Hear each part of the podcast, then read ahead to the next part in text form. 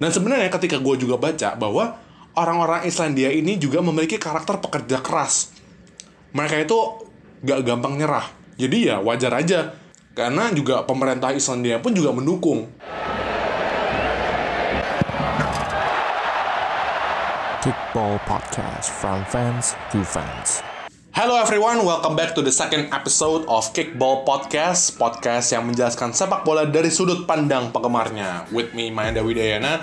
Dan kali ini gue sendiri, karena gue sebenarnya di sini pengen memberikan informasi ke kita semua Yang di mana gue harap informasi yang gue sampaikan ini bisa menjadi inspirasi ataupun menjadi manfaat buat kita juga pada kesempatan kali ini, gue akan membahas mengenai salah satu fenomena yang terjadi pada gelaran Piala Dunia 2018 ini pada matchday pertama, di mana tendangan Lionel Messi bisa digagalkan oleh kiper timnas Islandia Hannes Haldersen yang hasil akhirnya berakhir satu sama untuk kedua tim. Oh ya sebelumnya gue pengen ngasih tahu dulu bahwa podcast ini direkam pada hari Kamis 21 Juni 2018 sebelum pertandingan Argentina melawan Kroasia dan Nigeria melawan Islandia. Oke, kita semua tahu dan mungkin agak sedikit menyesali sih karena mungkin beberapa tim unggulan dukungan kita di matchday pertama banyak tim-tim unggulan yang masih belum mendapatkan hasil positif atau ya kemenangan. Contohnya seperti kayak Brazil yang seri satu sama melawan Swiss. Habis itu Spanyol juga harus mengakui kehebatan Cristiano Ronaldo sehingga kemenangan Spanyol pun ya akhirnya harus digagalkan oleh timnas Portugal yang berakhir seri 3 sama untuk kedua tim. Demikian juga seperti Argentina yang harus ditahan imbang oleh Islandia dan yang terakhir nih yaitu juara bertahan Piala Dunia 2014 yaitu Jerman harus takluk dari Meksiko dengan skor 0-1 dan seperti yang gue udah janjikan sebelumnya, gue pada kali ini gue akan lebih fokus pada pertandingan Argentina dan Islandia. Oke, kita bahas Argentina dulu. Argentina sebagai mestinya pasti di awal-awal mungkin kita juga udah memprediksi bahwa Argentina bisa menang lah lawan Islandia gitu. Tapi ya nyatanya akhirnya realita berbeda dengan ekspektasi. Dan salah satu faktor kegagalan kemenangannya Argentina ini ya gara-gara salah satu pemain terbaiknya yaitu Lionel Messi yang penaltinya bisa digagalkan oleh Hannes Haldersen. Tapi sebenarnya pada kali ini yang membuat gue menarik itu bukan Lionel Messi-nya karena menurut gue kayak jokes-jokes yang istilahnya sedikit mengejek Lionel Messi itu dan juga dia dibanding-bandingkan dengan penalti Cristiano Ronaldo. Ya memang Ronaldo juga berhasil penaltinya melawan Spanyol kemarin. Tapi menurut gue jokes-jokes terhadap Lionel Messi ini menurut gue terlalu berlebihan karena ya gimana ya? Menurut gue itu nggak perlu gitu karena toh juga secara hasil akhir pun ya Argentina dan Spanyol pun juga seri juga dapat sama-sama satu poin juga gitu loh. Tapi sebenarnya pada kali ini yang menurut gue menarik itu adalah kipernya Islandia yaitu Hannes Haldersen ini. Karena setelah gue tahu informasinya setelah pertandingan ini bahwa kiper Hannes Haldersen ini itu juga berprofesi sebagai sutradara film. Sutradara film dan video iklan. Atau yang bisa kita kenal sekarang itu sebagai filmmaker. Gue sih sendiri asli bener-bener takjub ketika gue tahu fakta Haldersen ini setelah pertandingan Argentina Islandia kemarin. Karena sebenarnya profesinya sebagai pesepak bola itu itu adalah profesi keduanya. Which is itu bukan profesi utamanya. Karena dia juga bermain di Liga Islandia itu kompetisi semi pro jadi filmmaker itu adalah profesi utamanya. Tapi profesi yang kedua ini yang bukan fokus utamanya dia itu bisa menggagalkan penalti dari salah satu pemain sepak bola terbaik di dunia. Dan menurut gue ini ya misalnya ini yang gue harus respect sih sama nih orang jadi, tapi mungkin kalian juga bisa berpendapat, ah itu mah cuma hoki doang si Haldersennya. Oke, okay, mungkin mungkin kalian bisa ngomong kayak gitu, tapi gue juga bisa setuju dengan pendapat seperti itu. Tapi sebenarnya ketika kita coba telah lebih lagi, kenapa sih si Haldersen ini bisa menggagalkan penaltinya? Dan apa sih sebenarnya faktor-faktor yang dia akhirnya bisa siap menghadapi tendangan Lionel Messi itu? Dan pelajaran yang gue ambil gini, pastinya sebagai pesepak bola atau profesi apa pun, ketika lo mau berhasil, ketika lo pengen bisa bagus, lo pasti butuh dedikasi yang tinggi dalam menjalankannya. Selain itu lo juga butuh konsistensi, determinasi, teknik, dan yang terakhir yaitu mentalitas yang baik juga. Mental lo itu yang mesti baik. Dan sebenarnya di sini yang gue juga lihat sih dari seorang Hannes Halderson. Gue sendiri juga bekerja di bidang yang mirip-mirip sama Hannes Halderson di seni visual dan audio visual juga. Jadi waktu gue searching karya-karya Halderson di YouTube, di Vimeo, hasil-hasilnya pun ya keren menurut gue. Karena dia juga pernah bikin video untuk uh, Eurovision. Jadi Eurovision itu kayak semacam kompetisi menyanyi atau kompetisi lagu gitu terbesar di Eropa jadi mungkin kayak seperti di sini kayak Indonesian Idol gitu ya, tapi ini untuk seluruh Eropa. Habis itu dia juga pernah membuat video untuk maskapai penerbangannya Islandia yaitu Iceland Air. Ya misalnya kalau di sini kayak Garuda Indonesianya Islandia lah kayak gitu. Sama yang terakhir dia juga pernah membuat video untuk brand minuman soda terkenal di dunia. Gue sebut mereknya yaitu Coca-Cola. Dan di mana video ini itu adalah uh, wujud dukungan masyarakat Islandia terhadap timnasnya yang akan berlaga di Piala Dunia 2018 ini. Jadi video ini juga baru baru aja dibikin. Ketika lo nonton, misalnya nanti lo search aja nanti hasilnya Hannes Halderson ini di YouTube, misalnya, nanti lo search aja nanti Coca-Cola Iceland dengan judul saman Sierra Alpha Mama Alpha November itu adalah karya Halderson. Dan kalau misalnya kita juga lihat nih videonya ini, videonya ini menggabungkan terinspirasi dari konsep Thunderclap. Thunderclap itu kalau misalnya kita sebagai fans sepak bola juga lihat sering lihat uh, selebrasi supporter Islandia juga ketika meraih kemenangan ataupun mereka istilahnya membakar semangatnya. Itu tuh mereka yang tepuk tangannya seperti Habis itu tepuk tangannya itu ada ritmenya dan lama-lama tambah cepet. Dan itu untuk membakar semangat pemain Islandia ataupun ya dalam occasional apa pun gitu. Tapi ini sering juga dipakai untuk sepak bola Islandia. Dan sebenarnya juga iklannya Coca-Cola ini yang didirect oleh Hannes Haldersen ini itu juga udah menguasai rating di televisi Islandia. Yang tentunya iklan ini juga itu udah ditayangkan secara rutin, secara reguler di televisi Islandia selama gelaran Piala Dunia kalau misalnya kita bicara mengenai hasil videonya, ya menurut gue sih ya emang udah profesional banget si Halderson ini. Gitu. Meskipun ya juga banyak filmmaker-filmmaker lainnya yang juga bisa bikin bagus ataupun lebih bagus, tapi untuk kapasitas seorang filmmaker menurut gue udah bagus banget, udah profesional lah si Halderson ini. Karena juga ketika gue lihat juga di beberapa artikel dari salah satu media internasional ternama di dunia yaitu Reuters. Jadi ketika Halderson diwawancara Reuters ini dia bilang bahwa sebenarnya project video bersama Coca-Cola ini adalah salah satu project yang paling ambisius yang dia pernah bikin. Atau ini project sangat yang sangat ambisius lah. Karena kan kebetulan juga Halderson kiper timnas Islandia, dia juga pengen membuat video untuk dukungan kepada timnas Islandia. Dan dia juga bilang sih bahwa ya profesinya sebagai filmmaker ini ya adalah ada passionnya sejak kecil.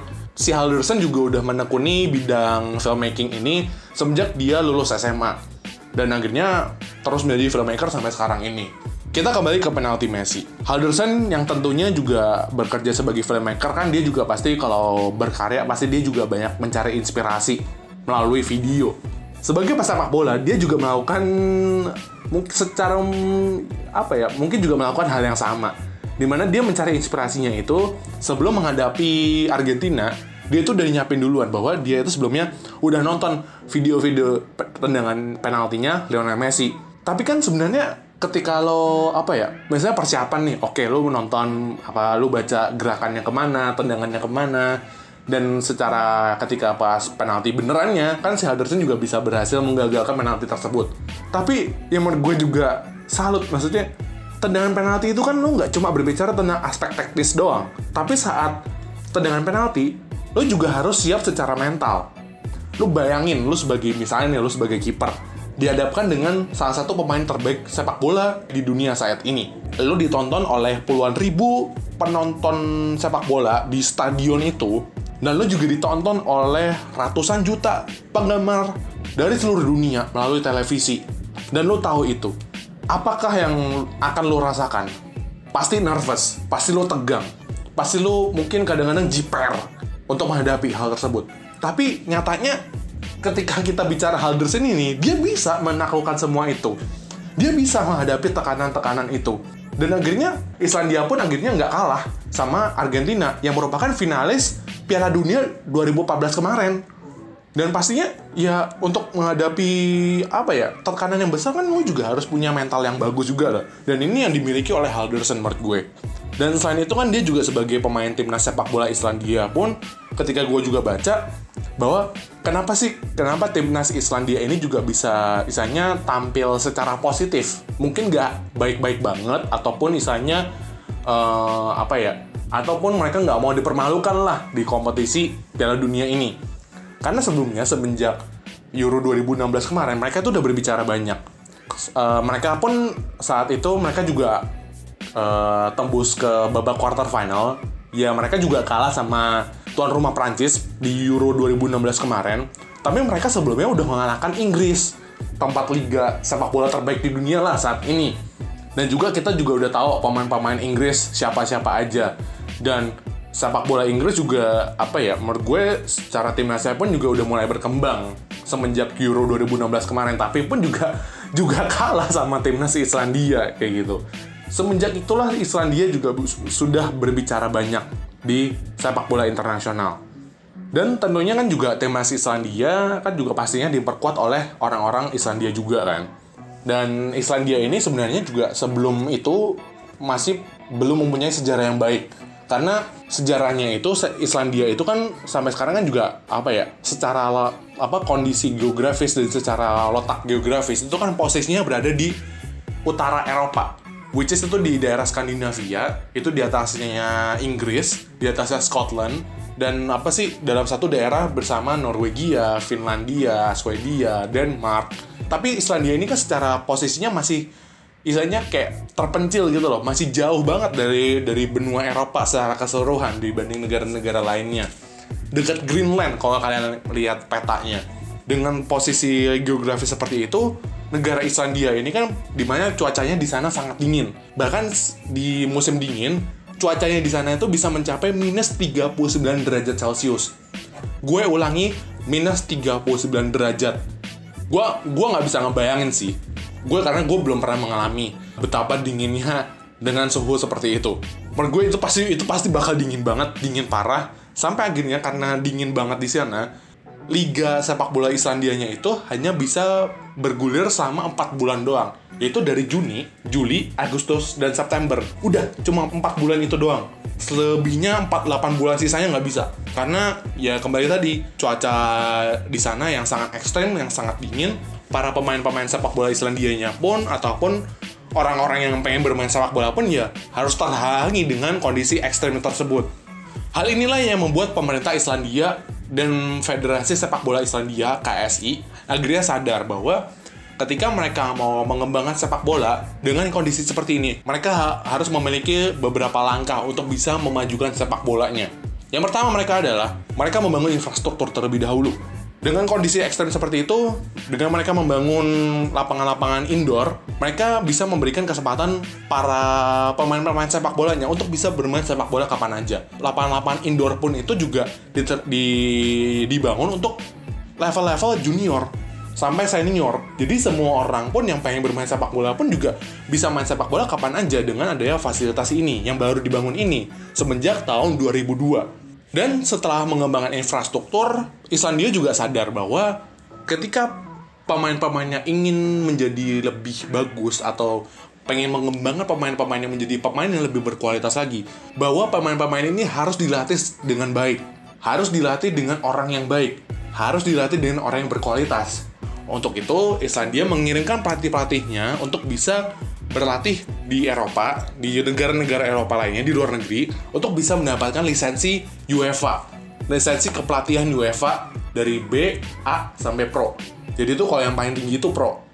Untuk mendapatkan lisensi itu, mereka sudah mengirimkan ya lima sekitar 500 sampai sekarang, sekitar 500 pelatih.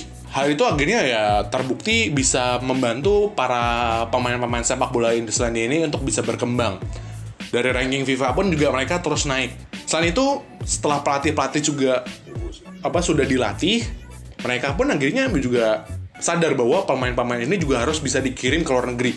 Karena untuk bisa berkembang selain dilatih oleh pelatih yang bagus, mereka juga harus bisa berhadapan, berlatih, menghadapi pemain-pemain yang lebih hebat dari mereka.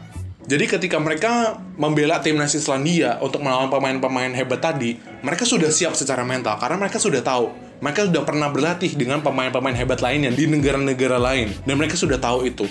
Islandia pun akhirnya sudah berbicara banyak semenjak Euro 2016 kemarin. Hal ini yang buat gue akhirnya tahu kenapa Islandia juga bisa bicara banyak di gelaran di turnamen sepak bola terbesar ini.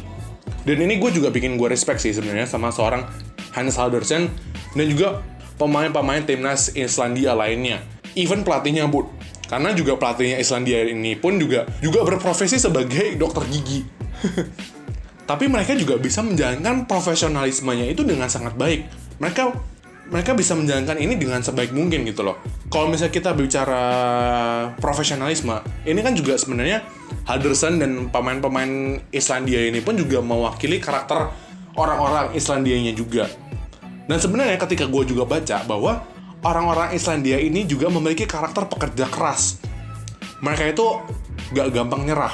Jadi ya wajar aja karena juga pemerintah Islandia pun juga mendukung mereka mendukung nggak nggak cuma mereka mendukung sepak bolanya seperti yang tadi gue udah katakan tadi mereka juga memberikan fasilitas edukasi dan kesehatan secara gratis mereka memberikan fasilitas edukasi dan kesehatan secara gratis untuk seluruh rakyat Islandia. Bahkan riset juga mengatakan bahwa Islandia ini adalah salah satu negara dengan tingkat kriminalitas terendah di dunia. Angka penganggurannya pun hanya 5% dari total 300 ribu penduduk warga Islandia. Ya, kalau mau dibandingkan jumlah warga Islandia itu sama dengan di Indonesia ini, di Jabodetabek itu kayak di Pondok Aren, di Kecamatan Pondok Aren, di Tangsel. Dan juga dan tingkat kebahagiaan yang warga Islandia pun itu pun juga mereka berada di posisi ketiga paling bahagia di dunia di bawah Denmark dan Swiss. Kebetulan juga Denmark dan Swiss itu juga berlaga di Piala Dunia 2018 ini. Dan sebenarnya dari sinilah kita bisa belajar banyak bahwa ya ketika ketika kita mau berhasil juga dalam bidang apa pun, sebanyak apa pun, bahwa ya kita harus bisa ditunjang oleh satu, yaitu edukasi. Oke, mungkin secara edukasi gelar pendidikan formal itu penting. Tapi menurut gue gelar pendidikan formal itu adalah hanya langkah awalnya saja. Karena sebenarnya yang bagaimana kita bisa membentuk uh, pola pikir yang baik adalah bagaimana kita tuh terus haus sama ilmu-ilmu yang kita suka, ilmu-ilmu yang pengen kita cari, dan otomatis dengan ilmu-ilmu yang kita cari dan kita dapetin, dengan sendirinya akan membentuk pola pikir kita. Kita juga udah bisa mempersiapkan dalam kondisi apa pun, dengan siapa pun lawan kita, siapa pun orang yang akan kita temui. Pasti dengan sendirinya mental itu akan terbentuk juga dengan sendirinya. Dan buktinya ya seperti Halderson tadi, dia bisa menjalankan kedua profesinya tersebut dengan sangat baik akhirnya ketika dia dihadapkan dengan pemain terbaik, pemain sepak bola terbaik di dunia, dia bisa menghadapi hal tersebut di turnamen olahraga terbesar, Piala Dunia. Dan sebenarnya ini apa ya, gue bisa mendapatkan pelajaran banyak banget sih sebenarnya bahwa ya ketika kita pengen menjadi berhasil ya never stop learning, terus belajar, terus cari, terus cari ilmunya. Dan sebenarnya selain untuk kita sendiri, hal ini juga gue harap bisa menjadi pesan untuk pemerintah kita juga untuk sepak bola, untuk secara pengembangan rakyatnya juga. Uh, mungkin gue bukan orang politik, tapi gue harap pesan ini juga bisa sampai ke pemerintah. Oke okay lah, mungkin beda dengan kondisi kita di Indonesia dengan Islandia. Indonesia memiliki penduduk 200 juta dan Islandia memiliki jumlah penduduk 300 ribu. Pasti perlakuannya dengan dan cara-caranya pasti beda. Tapi tujuannya adalah ketika kita pengen memiliki negara yang maju, ya kita juga harus bisa memajukan rakyat-rakyatnya juga gitu loh. Kita juga harus bisa memberikan influence-influence yang baik untuk kepada orang-orang di sekitar kita. Ketika orang-orangnya maju, itu pun ya pasti negaranya juga akan maju gitu loh. Nggak cuma dalam pekerjaan, nggak cuma apa-apa. Dalam sepak bola pun juga kalau misalnya mereka juga dilatih, mereka diberikan fasilitas yang baik juga, ya pasti dengan sendiri juga pasti sepak bola Indonesia juga pasti akan maju. Dan gue, harapan gue juga bisa seperti itu. Dan harapan kita semua juga pasti seperti itu. Kita juga pengen Indonesia bisa tampil di Piala Dunia beberapa tahun mendatang dan semoga kita juga bisa sebagai warga negara Indonesia kita juga bisa tetap berkembang sehingga kita juga bisa memajukan negara kita. Seperti itu. Jadi intinya adalah bagaimana kita bisa maju adalah yang pertama adalah yang sangat sangat penting adalah edukasi. Edukasi nggak cuma hanya pendidikan formal, tapi bagaimana lo pengen terus bisa belajar untuk bisa lo tetap bisa mempersiapkan ketika lo dihadapi dengan apa pun yang akan lu hadapi. Seperti Hannes Haldersen yang akhirnya sampai Lionel Messi sampai kasihan sampai bisa diajak-ejek seperti itu. Tapi bukan dengan masuk untuk bisa menjelek-jelekan orang lain, tetapi kita bisa belajar untuk bisa mengembangkan diri kita sendiri seperti itu. Gue harap uh, informasi dan message-message ini yang gue pengen sampaikan bisa kita pelajari juga gitu loh bahwa dari dari sepak bola pun kita juga bisa belajar banyak. Dari hal yang kita sukai kita juga bisa ambil pelajaran hal tersebut. Dan ini yang gue harapkan ini yang lu bisa terapkan bahwa lu jangan hanya menikmati saja tetapi apakah ada pelajaran yang lu bisa ambil dan lu bisa terapkan di kehidupan lu ini? Apakah lu bisa mendapatkan manfaat dan dalam menjalankan apa pun yang menjadi tanggung jawab kita semua jadi mungkin itu aja yang pengen gue sampaikan di podcast kali ini. Semoga podcast ini bisa bermanfaat. I'll see you guys on the next episode. Gue masih akan membahas gelaran Piala Dunia pastinya. Jangan lupa share ke teman-teman kalian sesama fans sepak bola juga ataupun ke siapa pun yang kalian rasa kalian perlu share podcast ini. Alright, thank you for listening. Bye bye.